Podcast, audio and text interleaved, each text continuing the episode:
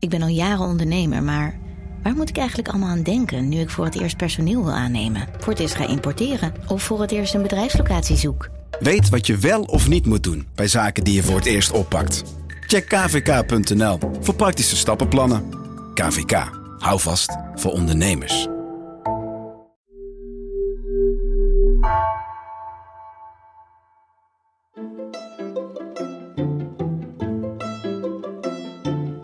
Welkom. Wij zijn Onbehaarde Apen. Dit is een podcast van NRC over wetenschap.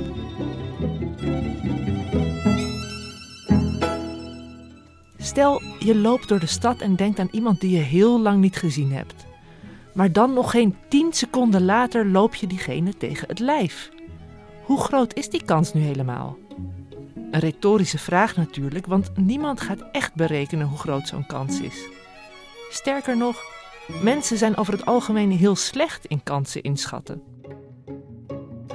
Vandaag gaan we het hebben over die wiskunde van de onzekerheid, de kansrekening. Want wat is een kans?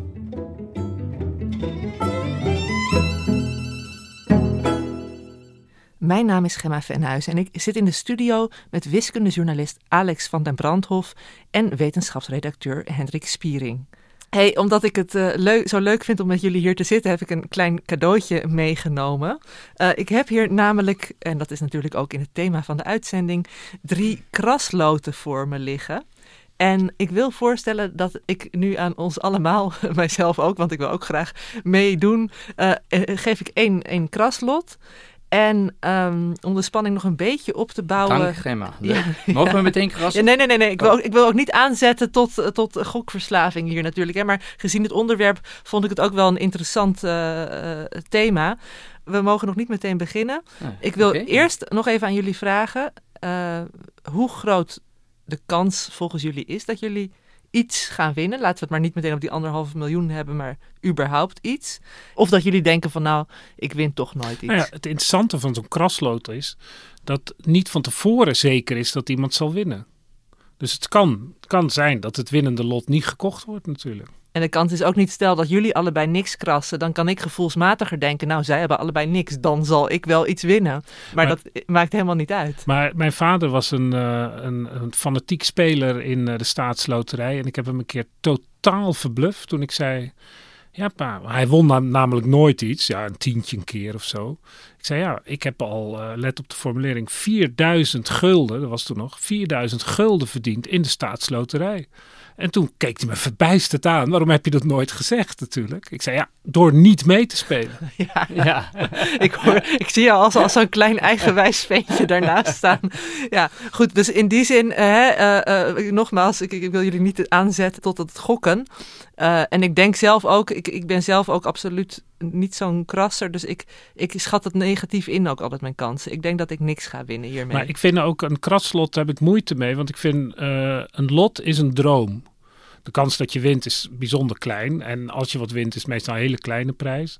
Hè, dat is, zo is de verdeling van de kansen natuurlijk. Iemand wint, maar ja, dat, meestal ben jij dat niet. Maar je hebt een droom. Dus je, je koopt dat lot en heb je een week de tijd of twee weken voor dat de uitreiking is. En dan kan je dromen van wat je met dat geld gaat doen. En dat, dat is eigenlijk wat je betaalt. Je betaalt voor de droom. Maar als je een kraslot koopt, dan weet je het gelijk. Tenzij je dat kraslot een week in de la laat liggen. Nou, wij Tenzij... mogen nu een uur niet krassen. Precies. We moeten aan het eind van de aflevering, we zitten hier nu nagelbijtend deze aflevering op te nemen. Ja, we, ja, we gaan er een lekker het, tempo achter Vind je het irrationeel, dan... uh, zo'n uh, het kopen van zo'n kraslot, Hendrik? Nou, niet als je het, als een, uh, als je het een week in de la laat liggen. Want je koopt een droom. Ja, precies. Dat is mijn ja. idee. Maar ja, ook als we anderhalf miljoen zouden winnen, zou ik het alsnog wel leuk vinden om onbehaarde apen te blijven maken. Het is niet zo dat we dan meteen onze baan aan de wil gehangen, toch? Ik kan er niks over zeggen. Okay. Goed, laten we maar gauw, voor dit uit de hand gaat lopen, over naar die echte kansberekening. Om te beginnen, hè, we hebben het al vaak genoeg van, uh, weet ik veel, kans op neerslag uh, 90% of uh, winkans 1 op 3. Ik heb wel een bazaal gevoel, maar wat is een kans precies, Alex? Ja, een, een kans drukt de mate van geloof in het plaatsvinden van een bepaalde gebeurtenis uit in een getal. Een getal tussen 0 en 1. nul betekent dan dat die gebeurtenis uh, zeker niet plaatsvindt. En 1 betekent dat die gebeurtenis zeker wel plaatsvindt, dus, 100%. Dus de kans dat wij er over 10 minuten nog zitten, die is 1. Ja. bijna 1. Ja, bijna 1. Als we even ervan uitgaan dat er dat geen, geen brand uh, Ja, en dat er geen uh, vliegtuig neerstort op dit NRC-gebouw. Of dat iemand naar de wc moet. Nu zijn we dus eigenlijk alweer aan het modelleren. Jij zegt 1 en die minieme uitzonderingen die verwaarlozen we eigenlijk. Ja. En dan zeggen we, oké, die kans die is één dat wij hier over 10 minuten nog zitten. Uh, maar de vraag is natuurlijk, hoe bepaal je dat getal? Hoe kun je nou die onzekerheid kwantificeren? Nou, als je nou een experiment herhaaldelijk kunt uitvoeren, dan is het wel duidelijk. Dus um, als je een punaise hebt, die kan met de punt naar boven vallen of, of niet. Nou ja, je kunt die punaise 100 keer werpen. En als hij dan 30 keer met de punt naar boven valt, nou, dan is iedereen het er wel over eens om te zeggen: de kans is 30% hè, dat de punaise met de punt naar boven valt. Soms is het helemaal niet nodig om herhaald dat experiment te doen. Bij een dobbelsteen bijvoorbeeld kun je zeggen: kans op zes ogen is 1 op 6, want er zijn zes vlakken. Maar dat is een keuze die wij maken. 1 op 6. Wel een hele voor de hand liggende keuze die ook wel te rechtvaardigen is. Maar is die kans echt werkelijk 1 op 6? Nou ja, als je nou een dobbelsteen bekijkt, is die echt helemaal zuiver? Is die helemaal symmetrisch? Die, die kant met zes uh, ogen, die heeft zes, nou ja, van die putjes, hè, die, die ogen. Dus daar is iets meer uitgeslepen. Ja, er is al een gewichtsverschil. Dus dat is net een klein gewichtsverschil. Maakt net een heel subtiel verschil ja. in de kans uit. Wel weer zo'n zo verschil dat, het, uh, dat je het muggenzifte kunt noemen en zegt van, ah nee, elke ooggetal heeft gewoon een kans van 1 op 6. Maar dan zijn we dus een model aan het maken. En in dat model zeggen we, elk ooggetal heeft een kans van 1 zesde. Ja, en wat ik zo interessant vind, is een kans gaat eigenlijk altijd over iets wat er nog niet is. Dus het is er nog niet. En op een gegeven moment is het, het gaat regenen of niet. En dan, ja, dan, en dan je, is het 100% kans dat het regent als het eenmaal regent. Toch? Ja, dan is er geen kans meer. Dan is er alleen maar werkelijkheid ja. eigenlijk. Ja, ja, dus het gaat altijd over de toekomst in die zin. Ja, over iets wat je nog niet weet. Dus het, je denkt dat een kans werkelijk is, maar het is altijd een berekening in een model. Ja, en hoe je je model moet maken, dat uh, hangt natuurlijk dan weer heel erg van je context af. Als je eenmaal... Over het algemeen is het zo dat als er informatie bij komt, dan veranderen kansen. Uh, ja, want je kan zeggen het is 90%. Je leest ochtends in de krant 90% regen. Je ziet een enorme donkere wolk op je afkomen. Dan weet je. Dan stijgt die kans. Is, ja, is 100%. Het, je zei het net al, Gemma. Zodra het regent, dan is het die kans één. Het regent nu af. Dan is het gewoon werkelijkheid. Ja, en ja. terwijl als je denkt, je leest 90% kans op regen en je kijkt naar boven en het is volkomen blauwe lucht, dan denk je wat een flutkrant. Nou, dat weet je niet. Nee, dan moet je altijd toch nog voor de zekerheid je, je paraplu nemen. tot het uh, 12 uur is geweest. Als je lang genoeg wacht, worden kansen altijd uh, werkelijkheid.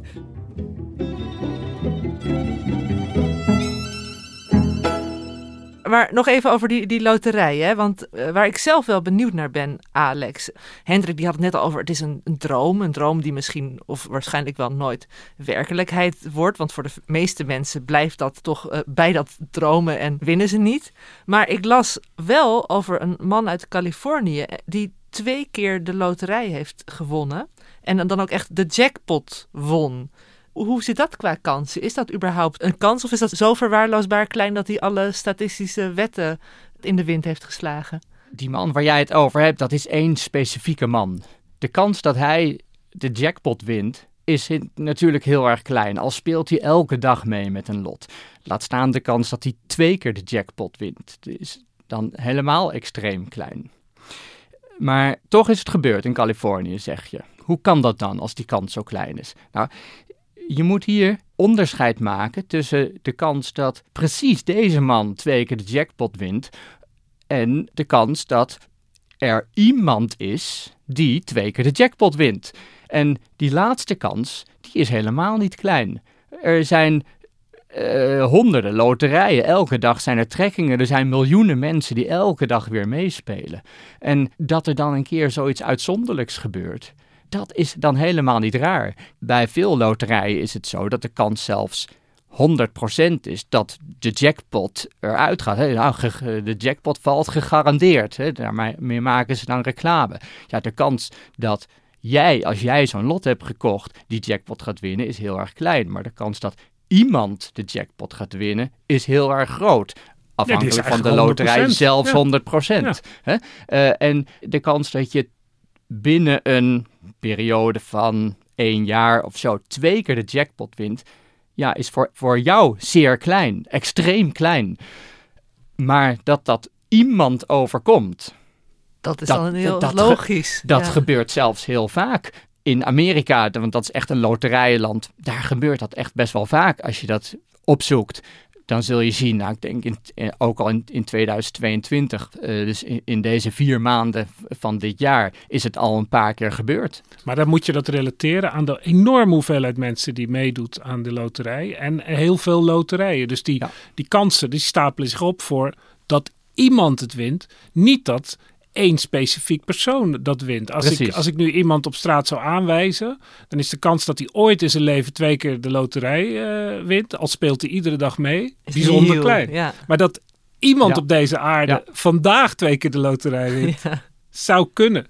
Ja. En dan heb je het nu over vandaag. Oké, dat, is ook nog een best klein. maar in dat gewoon in, zeg maar binnen een jaar tijd. Nou ja, dat, dat is die, wel... kans is, heel erg groot. Dat iemand op aarde in 2022 twee keer de jackpot wint. Nou ja, die is, die is bijna 100%. Ja, en als ik het goed begrijp, Alexander, is er dus een soort uh, verschil tussen algemene gebeurtenissen, algemene kansen of specifieke kansen voor een specifiek persoon. Zeker. Als je nou uh, kijkt, bij jou vroeger in de klas, waren er twee kinderen op dezelfde dag jarig? Ja, zeker. Echt ik, weet, ik weet toevallig. Ja, ja? Ik, ik, heb een heel raar geheugen, dus ik weet nog heel veel verjaardagsdata okay. van. En was jij het zelf? Nee, dat was nee, ik niet. Precies, dat is nou precies wat ik bedoel. De kans dat in een schoolklas twee kinderen op dezelfde dag jarig zijn, die is heel erg groot. Een klas van, uh, wat denk je, als we een groep van 30 personen nemen, hoe groot is de kans dat er minstens twee personen zijn die op dezelfde dag jarig zijn. Uh, ja. Groep van 30 personen. Groepsgrootte is natuurlijk belangrijk. Hè? Oh, ik vind 30 personen, ja, dat, eh, dat zijn 365 dagen. Ja, uh -huh. hoop rekenen. Uh, een kwart of zo. Een kwart, ja, nee, is dus Oké, dan, ja. dan zeg ik uh, 30 procent. Omdat ja, okay. 30 nee, het is echt veel groter. Het, het is uh, 70 procent of 71 procent. Bij een groepsgrootte van 23 personen is die kans 50%. He, dus bij 23 personen heb je al 50-50 kans dat er twee mensen op dezelfde dag jarig zijn. En dat baseert dus op het aantal dagen in het jaar. ja, dus oké, nu zijn we dus wel weer dan aan het modelleren. Hè? Dus we zijn 365 dagen in het jaar. Schrikkeljaren tellen we even niet mee. Uh, elke dag heeft dezelfde kans uh, van, uh, om, om jarig te ja, zijn. Wat ook niet helemaal waar is. Op 1 januari worden er natuurlijk minder kinderen geboren. Want alle geplande ja. geboortes met ah. keizersnedes, die vinden zeker niet op 1 januari plaats.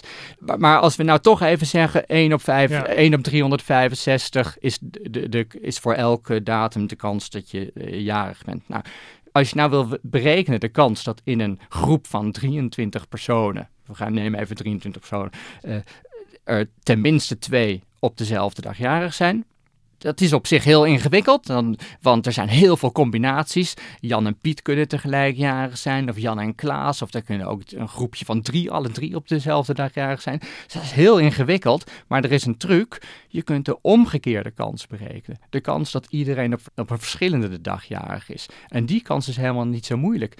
De eerste persoon kan op elke dag jarig zijn, maakt allemaal niet uit. De tweede persoon moet op een andere dag jarig zijn. De kans daarop is 364 op de 365.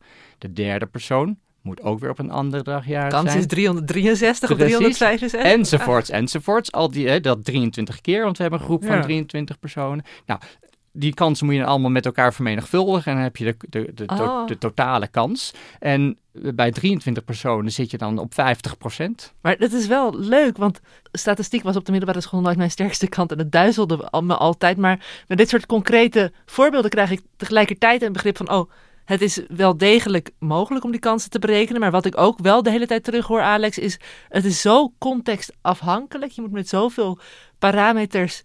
Uh, uh, rekening houden dat we kunnen wel zeggen dat een kans niet zo in steen gebeiteld staat als uh, soms wordt aangenomen, toch? Nee, nou ja, met dit verjaardagsprobleem is het eigenlijk nog wel behoorlijk concreet. En de, de aannames die we maken, die zijn allemaal heel redelijk. Het is helemaal niet zo erg om die schrikkeljaren buiten beschouwing te laten. Het is ook helemaal niet zo erg om elke dag de, dezelfde kans te geven. Ook al is dat niet helemaal echt zo, maar in de, in de praktijk zijn er natuurlijk een boel uh, situaties waarbij het uh, helemaal niet zo in steen gebeiteld ja. is.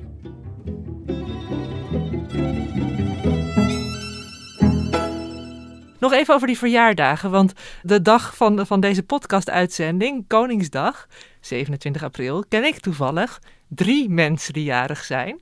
Allereerst Lucas. Gefeliciteerd Lucas als je luistert. Uh, ten tweede mijn moeder, van wie ik ook weet dat ze luistert uiteraard. Dus gefeliciteerd mama.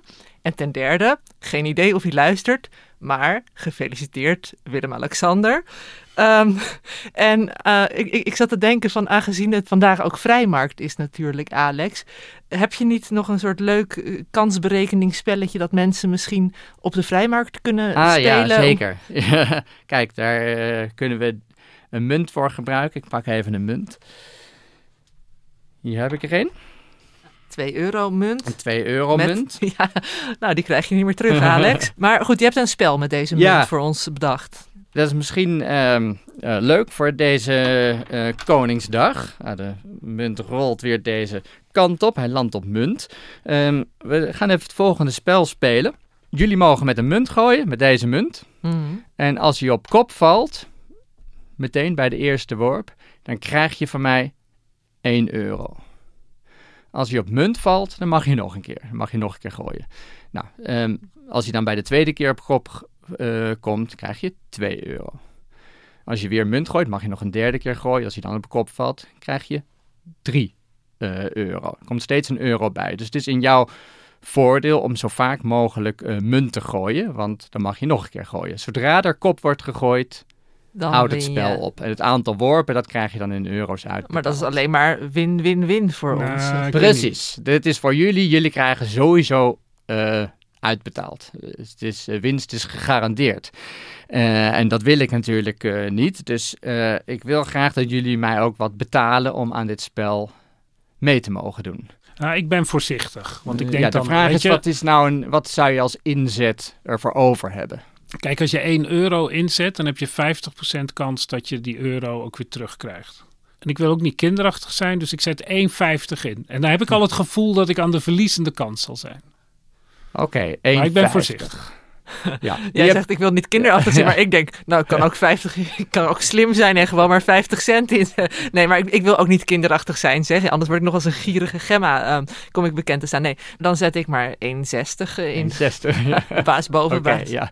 Even kijken, dus als ik munt, dan mag ik nog een keer gooien. En kop, dan krijg ik meteen uitbetaald. Precies. Ja, dat... Uh, Je had okay. 1,60 in. ja, spannend hè? Ja.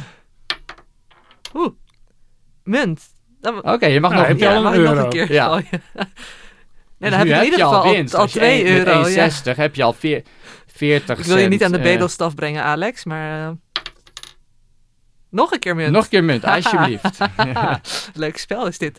Maar ja, het is misschien net als bij de dubbels, dobbelsteen... dat deze 2 euro munt zwaarder is aan de ene kant oh ja, dan aan de andere kant. denkingsmunt, hè? Dus Oei. die is dan niet zuiver. Ja, weer, weer munt. munt. Al vijf keer munt.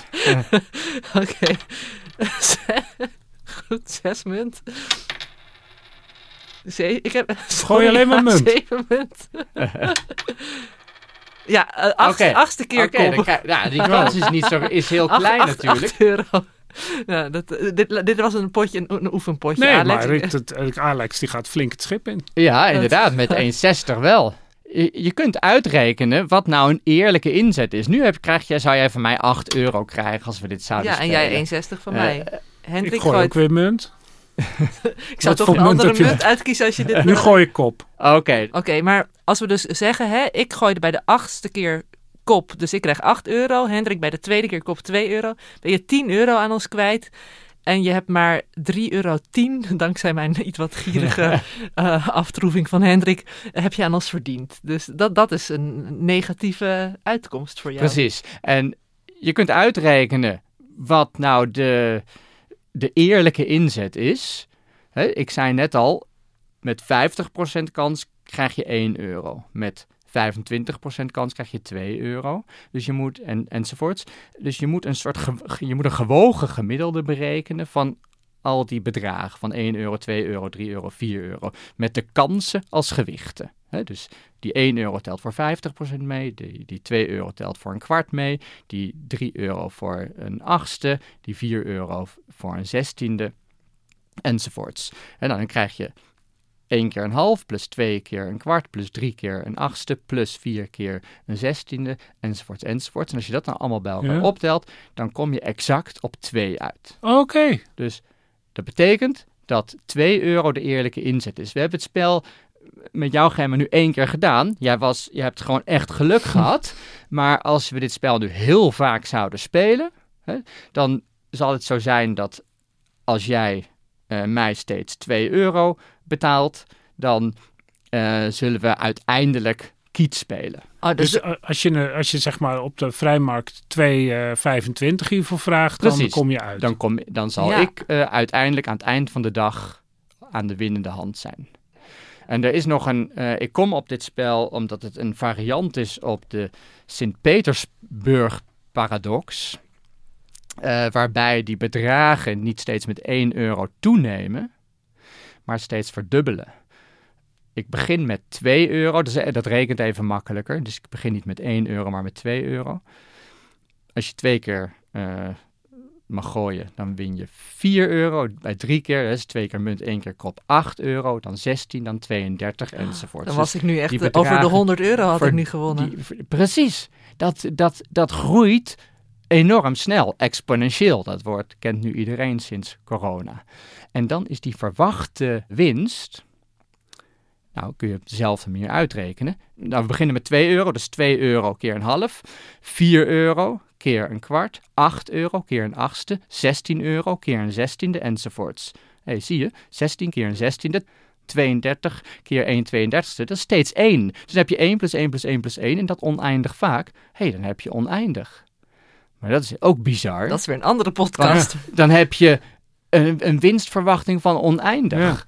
Eh, terwijl niemand zal, mij, zal bereid zijn 1000 euro eh, te betalen om aan dit potje mee te doen. En, en toch is het zo dat als je dat doet, je aan de winnende hand bent. Als jij mij steeds 1000 euro Dus het zou, betaalt. zou stom zijn van jou om dat spel voor te stellen op Koningsdag. Nou ja, als ik, als ik echt 1000 euro zou vragen, dan doet natuurlijk niemand, Niemand mee. het, nee. maar, maar waarom niet? Want de theorie zegt dat de winstverwachting voor jou, voor de deelnemer, eh, oneindig is. Ja, maar toch doet niemand het. Toch je doet niemand denkt het. van, ik, ik gooi op een gegeven moment natuurlijk eh, het verkeerde... ja, er zitten hier twee valkuilen. En het- enige is dat het duurt verschrikkelijk lang voordat je die winst uiteindelijk Ja, terugziet. Want de Koningsdag is al lang voorbij. Dan zit jij nog te gooien. Als, jij, eh, als we echt met 1000 euro eh, gaan spelen, nou dan, eh, dan moet je zo vaak gooien. Dat, dat lukt niet alleen in je leven niet, maar al ben je onsterfelijk. Over 5 miljard jaar is de aarde opgebrand. En eh, nou, dan zitten Hendrik en ik hier nog te, een spelen leuk in idee deze zijn. Je nooit te studio. vervelen. Hè, eh, dus, eh, en daardoor eh, ehm, gaat het in de praktijk mis. De theorie klopt wel, de, de wiskundige berekening klopt wel, dat welke inzet je ook neemt, 1000 euro of 2000 euro, je zult winnen. Hmm. Maar Maar je- de wiskunde is zo'n zuiver vak dat ook een miljard jaar is eindig. En de wiskunde trekt zich daar niks van aan dat wij maar eh, ja, heel kort leven. Maar ik moet dan iedere keer als ik eh, kop gooi, moet ik weer opnieuw inzetten. Ja, moet je om elke keer moet je 1000 Ja, euro mij precies. geven. En toch ben jij aan de winnende hand. Want er komt een moment, met kans 1 komt er een moment dat jij zoveel uitbetaald krijgt. Net als Gemma met 8 keer. Maar kom, komt er een moment dat jij duizend keer achter elkaar eh, munt gooit. En dan, dat gaat een keer gebeuren en dan met is kans Alex 1. failliet. Precies, en dan ben, dan ben ik failliet. Alleen dan Maar eh, dat is dus de de- aarde ook al vergaan. Maar je zou dit spel dus wel zelf kunnen spelen, één op één, met, met echte personen. En dan houdt iemand op een gegeven moment op. Dan, dan lukt het niet. Maar als je dit in een casino doet, wat dag in dag uit met duizenden mensen tegelijk dat spel gaat spelen, dan komt, dan komt die oneindigheid waarschijnlijk wel eh, heel dicht in de buurt. Ja, en ook nog niet, want je moet echt zo vaak Ja, spelen. ja, ja. De- we hebben het over miljarden jaren en Ja, dan ja, elke ja. seconde een spelletje. Een heel succesvol Daar, daar, zit, moeten daar zijn. zit het hem in. Hey, maar nog even over grote bedragen gesproken. Ik moet opeens weer. eh, net Ja. toen jullie over die paradox waren met oneindigheid, het dwaalde mijn eh, gedachten af naar mijn eh, maandelijkse ziektekostenverzekering die ik moet betalen. En ik heb vrij- een vrij goede, uitgebreide verzekering. En daar zit ik ook al wel eens mee te denken van Ja, ja. dat is kansberekening. eh, ook hè, natuurlijk. ik gebruik hem wel. Bij mijn tandarts zit er ook bij in, bijvoorbeeld. Maar dan vraag ik me toch uit: kom ik uit? Ik bedoel, Nee, die verzekeringsmaatschappij komt uit. Natuurlijk, die, wat jij aan premie betaalt, is hetzelfde als het kopen van een lot. Ja, Ja, maar de kans, de kans is natuurlijk dat je ziek wordt. En als je zeker wist dat je nooit ziek wordt. En dan dus geen kosten hebt, dan Ja. heeft een verzekering geen zin. Maar de kans dat je eh, je Ja. been breekt en Nee, dan tuurlijk. ineens zoveel... ja nee, het is heel eh, goed om je te verzekeren. Ook tegen eh, het afbranden van je huis. Ja, bij hoeveel mensen brandt eh, het huis af? Eh, heel weinig, gelukkig. En toch vinden de meeste mensen het niet erg om maandelijks een kleine Ja. premie te betalen om dat risico af te en dus do- doen verzekeringsmaatschappijen die baseren hun premies die ook echt op berekenen hun premies op dit soort eh, berekeningen, op dit soort verwachtingswaardes. Ja. Ja.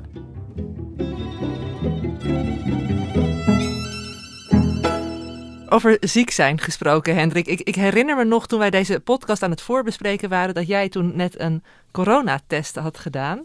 Ehm, wil je met de luisteraars delen wat de uitslag was? Ja, dat was tot mijn verrassing eh, positief. Want dat had ik helemaal niet meer. Ik had helemaal niet meer verwacht dat ik nog eh, corona zou krijgen. Ik was tot al, al die tijd de dans ontsprongen. Maar En wat, wat dacht je toen? Hè? Geloof je toen meteen van ook heb het ook echt? Eh, Nou, het interessante is dat, ik, dat het natuurlijk een test is die, die feilbaar is. Maar omdat ik positief eh, testte, viel, eh, vielen zeg maar de kuchjes die ik de dag tevoren had ontwikkeld, vielen ineens precies op zijn plaats. Dus ik, had, ik zag een regenwolk die eh, duidelijk maakte dat het er inderdaad regen op komst was, zeg maar. terwijl je eerst dacht, je, oh dat is een klein wolkje Ja. voor de zon. Maar Ja. bij nadere inspectie bleek het wel degelijk een regenwolk. Dus het was meer dan alleen maar de kansberekening van die test.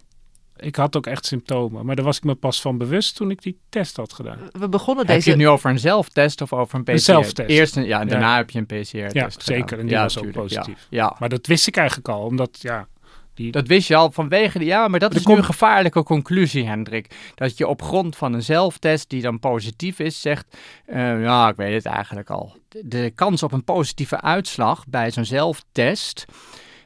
Het is helemaal niet zo betrouwbaar. het is niet één op één wat iedereen wel verwacht als hij dat streepje Ja, ziet. kijk, sowieso heeft een test een bepaalde mate van betrouwbaarheid.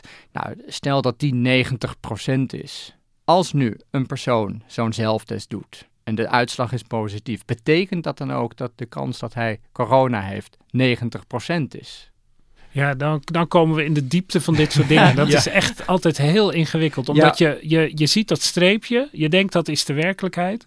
Maar je, je zit in feite naar de uitkomst van een berekening te kijken. En dat is altijd moeilijk te beseffen, vind ik. Die 90% betrouwbaarheid, dat betekent dat van 100 personen die corona hebben, wordt dat in 90 gevallen aangetoond door die test. En ik wil juist weten, of je corona hebt. Hoe- Jij ja, weet helemaal niet of je corona nee. hebt. Jij bent gewoon een willekeurige persoon. Je doet een, een, een test. Hoe groot is nou die kans dat je dan ook echt corona hebt als die zelftest positief uitwijst? Nou, als ik jou een beetje inschat, dan is die weer veel kleiner dan we dachten. Nou, je hebt meer informatie nodig. Je moet weten hoe wijdverbreid het virus is. Dat is echt cruciaal. En Dus ik zit daar in mijn kamer een test te doen. En de uitslag van die test wordt, de betrouwbaarheid van de uitslag van die test wordt eigenlijk bepaald door het feit hoeveel mensen om me heen, in al die huizen op Ja, straat, ja, corona dus jij had op dat moment de RIVM-cijfers erbij moeten pakken om te zien wat, eh, wat dat waren. Maar dat heb je waarschijnlijk niet Nee, gedaan. die- Maar ik heb wel even gedaan. Voor, Ah. de, voor de luisteraar, we hadden namelijk al een kleine voorbespreking waardoor ik dat had kunnen doen. Nou, in de week van 12 tot 19 april waren er 24.000 eh, positieve tests. In de week daarvoor waren het er 68.000. Dus dat is eh 2,5 keer zoveel of zo. En onze eerste voorbespreking hadden we ongeveer een maand geleden. Ja, dan. toen waren er zo ongeveer 200.000. Dus het Zo. neemt af. En dat, dat is was toen Hendrik niet zo gek gek werd. Ja. Precies. Toen, toen Hendrik eh, ziek werd, waren er ongeveer 200.000. Het zal ook wel echt aan het afnemen zijn, maar het blijft toch wel gokwerk hoeveel personen er nou echt met corona Ja, zijn. Want niet iedereen laat zich testen. ook. Lang niet nee. iedereen. Dus met, als we nou even uitgaan van die week dat jij ziek was, Hendrik. 200.000 gevallen waren er bekend bij het RIVM. Oké, dat waren dus de, de tests. Maar dat moet je met een bepaalde factor vermenigvuldigen. Ja. Om het werkelijke aantal te kennen. Hoe groot is die factor? Nou, laten we even een factor 5 nemen. Vijf. Eh, dan, zitten we, ja, dan zitten we op een eh, miljoen gevallen. Oké, dus, Ja? ja? dus van die Even- miljoen... het is natuurlijk ja. een be- beetje natte vingerwerk. Ja, ja. Maar om even eh, het berekeningetje te ja, kunnen want waar- maken. hoe, hoe pakt dat dan uit voor mijn testje? Precies, hoe pakt dat eh, uit? Nou, we hebben dus een miljoen coronagevallen. We hebben het over de gevallen in Nederland. We prikken een willekeurige Nederlander. De kans dat deze persoon dan eh, corona heeft, is dan dus 1 miljoen op 17 miljoen. Dus 1 op 17. Ja, hij weet dat zelf nog niet, maar het is gewoon een willekeurig getrokken eh, Nederlander. Dat is de, de, de, de voorafkans, de a priori kans heet dat. Nu ga je zo'n test doen. Die test geeft een positieve uitslag. We nemen eventjes een eh, poeltje van 1700 mensen, want dat rekent weer Mhm. even makkelijk. Eh, van die 1700 mensen zullen er 100 corona hebben. Ja, 1 op 17. Precies. En 1600 hebben er dus geen corona. Nee. Nou, die 1700 mensen gaan allemaal een Ja, zelftest dus doen. eh, mijn hele wijkje doet op dat moment Ja. die test. En die zelftest die heeft een betrouwbaarheid van 90%. Ook dat nemen we nu weer even Ja, aan. ja. Betekent, we hebben dus 100 coronagevallen, 90% test positief.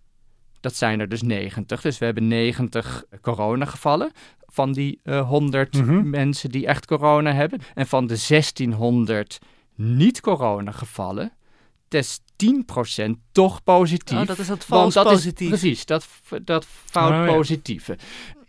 En dat zijn er 160 Dat dan. zijn er dus 160. ja, dat zijn er meer dan die 90. Precies. Dus we hebben 160 plus 90, 250 positieve testresultaten. Waarvan maar slechts 90 daarvan hebben werkelijk corona. Dus de kans op corona, gegeven een positieve testuitslag, is 90 op de 250. En dat is 36 procent. Maar begrijp ik dan goed, Alex, dat met zoveel zieke mensen is de kans dus hoger dat die test goed is. Maar het is nog steeds maar 36% met 1 miljoen zieken. Wat al een enorme hoeveelheid is in Nederland natuurlijk. Ja, maar met 1 miljoen zieken, het zijn toch nog 16 keer zoveel niet-zieken. Hoe meer het vir- virus voorkomt, hoe betrouwbaarder Ja, en het dat wordt. is. Ja, dat vind ik zo moeilijk te begrijpen aan kansberekening in de praktijk. Omdat je altijd de. Je ziet altijd die dobbelsteen voor je en die, die valt zo of zo. Terwijl in werkelijkheid, in de werkelijkheid van zo'n test die je dan in je eigen huiskamer zit te doen, is dus de, de hoeveelheid zieken in het hele land. Je kunt bij spreken zeggen, de hele wereld. Je kunt zo gek maken als je wil. Die bepaalt mede de betrouwbaarheid van die uitslag van de test. Die, je kan het intellectueel begrijpen, maar in je vingers voel je dat niet eigenlijk. Ja, waar het om gaat is dat die, die a priori kans, die voorafkans op het hebben van corona dus heel belangrijk is. En ik zei het net ook al, dat is eigenlijk een beetje, ja, ik deed net heel erg natte vingerwerk, maar daar zit gewoon een subjectief element in. Dit heet de, de Bayesiaanse kansrekening. Eh, Thomas Bayes was een eh, Engelse dominee eh, in de 18e eeuw, een amateurwiskundige, die stelde een formule op voor voorwaardelijke kansen, waarbij die a priori kans een grote rol speelt, maar die, die a priori kans die is in de praktijk dus heel moeilijk te bepalen. En Die moet je zeg maar op grond van kennis inschatten. Ja, en daar houden wiskundigen niet van natuurlijk. En je hebt dus, als ik het goed begrijp, in de statistiek heb je mensen die die, die, eh, die kansberekening van Thomas Bayes aanhangen. ja, en je hebt de klassieke school. En die vermijden dus dat, dat subjectieve element. Eh, dus die betrouwbaarheid van 90%, dat is dus de kans dat de test positief is, gegeven je hebt corona. En- maar wij zijn juist in die omgekeerde kans geïnteresseerd. De kans dat je corona hebt, gegeven die testuitslag is positief. Het, En daarvoor moet je dus die a priori kans dat je corona hebt weten. jongens, ik zit naar jullie En- te luisteren en ik vind het super interessant, maar ook hier begint het me weer een beetje te duizelen. Dus heb je los van corona nog een ander voorbeeld eh, van... nou ja, die, die- dat verkeerde gebru- eh, gebruik van statistiek, dat kan echt dramatische gevolgen hebben. Dat zie je bijvoorbeeld aan de zaak Lucia de Berg, heel bekend. Ja, Lucia de B ken ik haar altijd nog. Uh, Precies, ja. ja. nu mag Die je gewoon de Berg zeggen. ja, ze Maar bleek toch onschuldig. Ja, inderdaad. In het begin van deze eeuw, eh, zij, ze, ze was verpleegkundige in een ziekenhuis in Den Haag. En het viel op dat er op een gegeven moment dat tijdens haar diensten er meer overlijdens waren eh, dan tijdens andere diensten. En toen werd ze verdacht van moord. Er werd eh, gezegd, nou ja, eh, zij maakt zoveel sterfgevallen eh, mee, meer dan je aan het toeval zou kunnen toeschrijven. En toen heeft een wiskundige die zaak gemodelleerd. En daar kwam toen het volgende uit. De kans dat een verpleegkundige zoveel incidenten meemaakt, Bij toeval, zonder bij, er zelf bij, in te bij grijpen. toeval Ja. inderdaad, eh, die is, ze kwamen op een kans van 1 op Ja, 342 ongeluk- miljoen. En toen werd er gezegd, nou, die kans is zo klein, dan is het dus geen toeval. Maar als ik nou denk aan wat jij in het begin zei met die loterijkansen. Ik denk ook, er zijn wereldwijd zijn er eh, heel veel mensen, misschien ook wel 342 miljoen verpleegkundigen. Ik weet niet of dat een overschatting is. Nee. Maar dan denk ik, ja, dan is 1 op 342 miljoen, dan is dat pech voor Lucia de B, dat zij die ene was. En dat het toch toeval is. Ehm, er zijn ehm, verpleegkundigen die patiënten vermoorden. Dat is zo. Als, ze Ja. er als, ze, als we zeker wisten dat ze er niet zouden zijn, ja, dan eh, hoeven we ook niemand te gaan verdenken. Nee, ze zijn er. Dat is het inderdaad het hele punt. Dat is die onzekerheid. Dat is die a priori. Ehm, er wordt geschat dat eh, inderdaad de a priori kans wordt, wordt er geschat. Dat is informatie die ik van Richard Gill heb. Als er iemand is die het kan weten, is hij het. Dat 1 op de 2 miljoen verplegers vermoord patiënten. ja. Een krankzinnig Eén- wie, wie, wie, wie, was die Richard Gill? eh? Dat is een statisticus van de Universiteit Leiden die zich intensief met die zaak Lucia de Berg heeft bezig gehouden. En het probleem is dat er, het is heel onwaarschijnlijk dat Lucia de Berg aanwezig was, steeds maar als die patiënten overleden. Dat heel veel sterfgevallen, dat is iets onwaarschijnlijks. Maar het is ook heel onwaarschijnlijk dat Lucia een eh, seriemoordenaar is. Daar was op voorhand was, daar, was zij helemaal geen verdachte. Nee, eh, want die kansen zijn bijna dezelfde orde van grootte. Dat is ja, eh, dus kijk, als iemand vooraf nou haar ergens een grote dosis gif had zien kopen, Ja, eh, eh, ja. maar dat was, daar was helemaal geen sprake van. Ze werd pas verdacht achteraf, omdat, die, omdat er zoveel gevallen waren. En Ja, wil op- je dan zeggen dat hier de, die wiskundige eh, modelleur die op de zaak werd gezet, eh, was die dan, paste die dan de, die kansrekening van Thomas Bayes? Nee, die paste de klassieke statistiek toe. Die zei dus, de kans om zoveel gevallen, sterfgevallen mee te maken onder de aanname van onschuld, die is zo verschrikkelijk klein, dan zal die aanname van onschuld wel fout zijn. Dat is wat de klassieke statistiek zegt. En die Bayesiaanse, die Maar zegt... dat, is, dat, je, dat is de omkeerfout die hier wordt eh, gemaakt. ja, want Net die wist- als met die corona, het gaat niet om de kans dat jouw eh, testuitslag positief is als je corona hebt. Nee, het gaat om de kans dat je corona hebt als jouw testuitslag positief is. En zo is het hier ook. Het gaat hier bij Lucia de Berg niet om de kans op zoveel sterfgevallen onder de aanname van onschuld. Nee, het gaat om de kans dat zij onschuldig is, gegeven dat er zoveel sterfgevallen zijn. Hmm. Of de kans dat ze wel schuldig is als er zoveel sterfgevallen zijn. En de kans dat zij schuldig is als er zoveel sterfgevallen is, zijn, daarvoor heb je dus die a priori kans nodig dat zij een seriemoordenaar is. Nou, en gelukkig is de a priori kans dat er een eh, seriemoordenaar op een ziekenhuis rondloopt heel erg klein. En doordat die a priori kans zo verschrikkelijk klein is, eh, is de kans dat zij eh, schuldig is helemaal niet zo groot als werd beweerd. Nee, dus- Nee, omdat het, eh, hij, die man die heeft gewoon berekend eh, hoeveel mensen gaan er dood? Hoeveel verpleegkundigen hebben welke diensten? er En werden dat- allerlei Excel- data verzameld natuurlijk. Uit het, dat waren trouwens gegevens die door het ziekenhuis waren aangeleverd. En bij het ziekenhuis hadden ze al het idee van, nou ja, die Lucia de Berg is een beetje een raar mens en zo. Eh, dus er werd ook heel selectief werden er data aangeleverd. Dat is al fout 1. Ja, dus dat klopt het hele model al. Hè? Dat kun je al je vraagtekens... Dus je wil eigenlijk weten wat de kans is dat je als ehm, verdachte ten prooi valt aan eh, rommelige statistiek. Dat, dat, die klinkt opeens ook best wel Ja. groot. Dat, eh, Z- Zeker.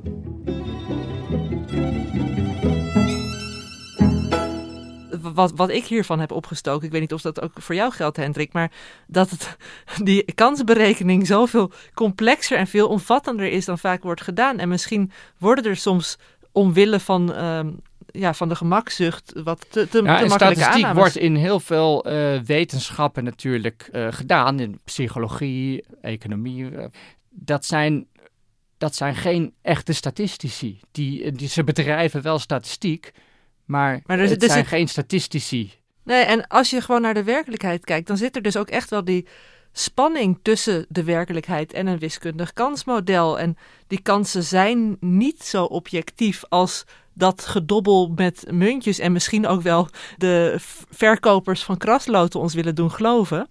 En eh, ik heb heel subtiel het woord krasloten gebruikt, want ik zit inmiddels te popelen na al deze Ah, interessante krassen, verhalen ja. om te weten of ik anderhalf miljoen euro heb gewonnen. Want Ja. ik heb vandaag een gelukkige hand in, in Ja, dat kun je wel gokspelen. zeggen. Dus ik, eh, oh, het is wel een ingewikkeld lot. Ik moet even kijken wat, wat we precies moeten doen. We Even moeten kijken. Het is bepaalde net zo ingewikkeld als de kansberekening. We moeten Ja. coördinaten krassen. Ja, tot nu toe zie ik nog helemaal niks verschijnen. Je mag dus...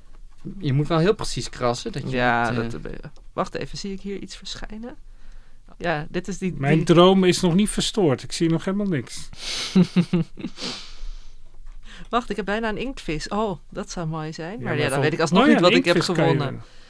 Oei, het wordt wel spannend Ja, hier. dan mag je natuurlijk een telefoonnummer bellen en dan moet je afwachten of er wordt opgenomen. Telescoop. Ja hoor, ik heb hem. Echt waar? Wat heb Dat jij? zal Wat- toch niet Anderhalf miljoen?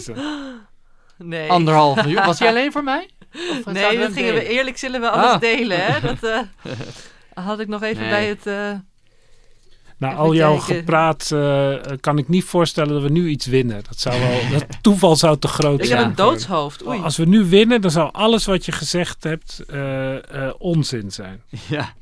Ik heb bijna een schep. Je gelooft Ja, het ik gewoon heb ook niet. bijna een telescoop en ja, maar bijna natuurlijk, een zo zijn, ze, zo zijn ze natuurlijk gecreëerd, hè, dat je het bijna hebt. Er moet altijd hoop zijn. Oké. Maar die hoop is nu verdwenen. Don't ik try this at home, eh, luisteraars. Dit is een grote deceptie. Maar- Nou, wacht even, ik heb een roer.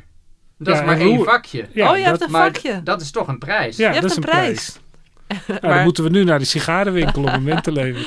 We weten niet welke prijs je gewonnen. Staat er ook bij? Ja, dan krijg je natuurlijk een, eh, een pakje kauwgom of zo. Ja, of nog zo'n kraslot. Voor een roer, eh, daar kun je geen nieuwe auto verkopen.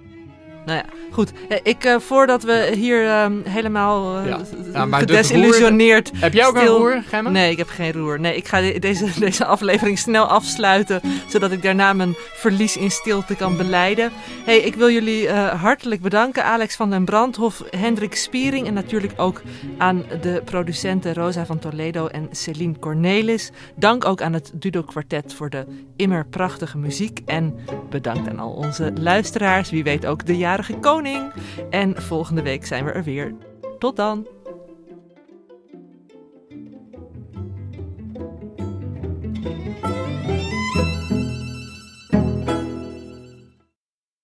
Technologie lijkt tegenwoordig het antwoord op iedere uitdaging. Bij PwC zien we dit anders. Als we de potentie van technologie willen benutten, kunnen we niet zonder een menselijk perspectief. Human-led, tech-powered noemen we dat. Ga naar pwc.nl.